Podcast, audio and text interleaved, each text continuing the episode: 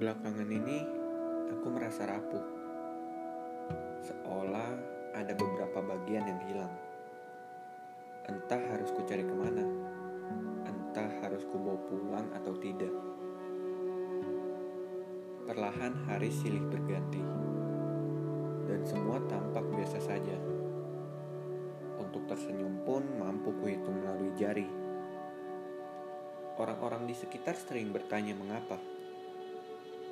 Dan jawabanku selalu sama, tak apa.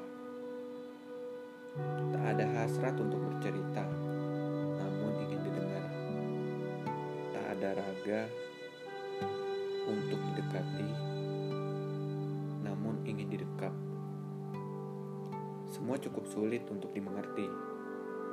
Aku hilang dari diriku.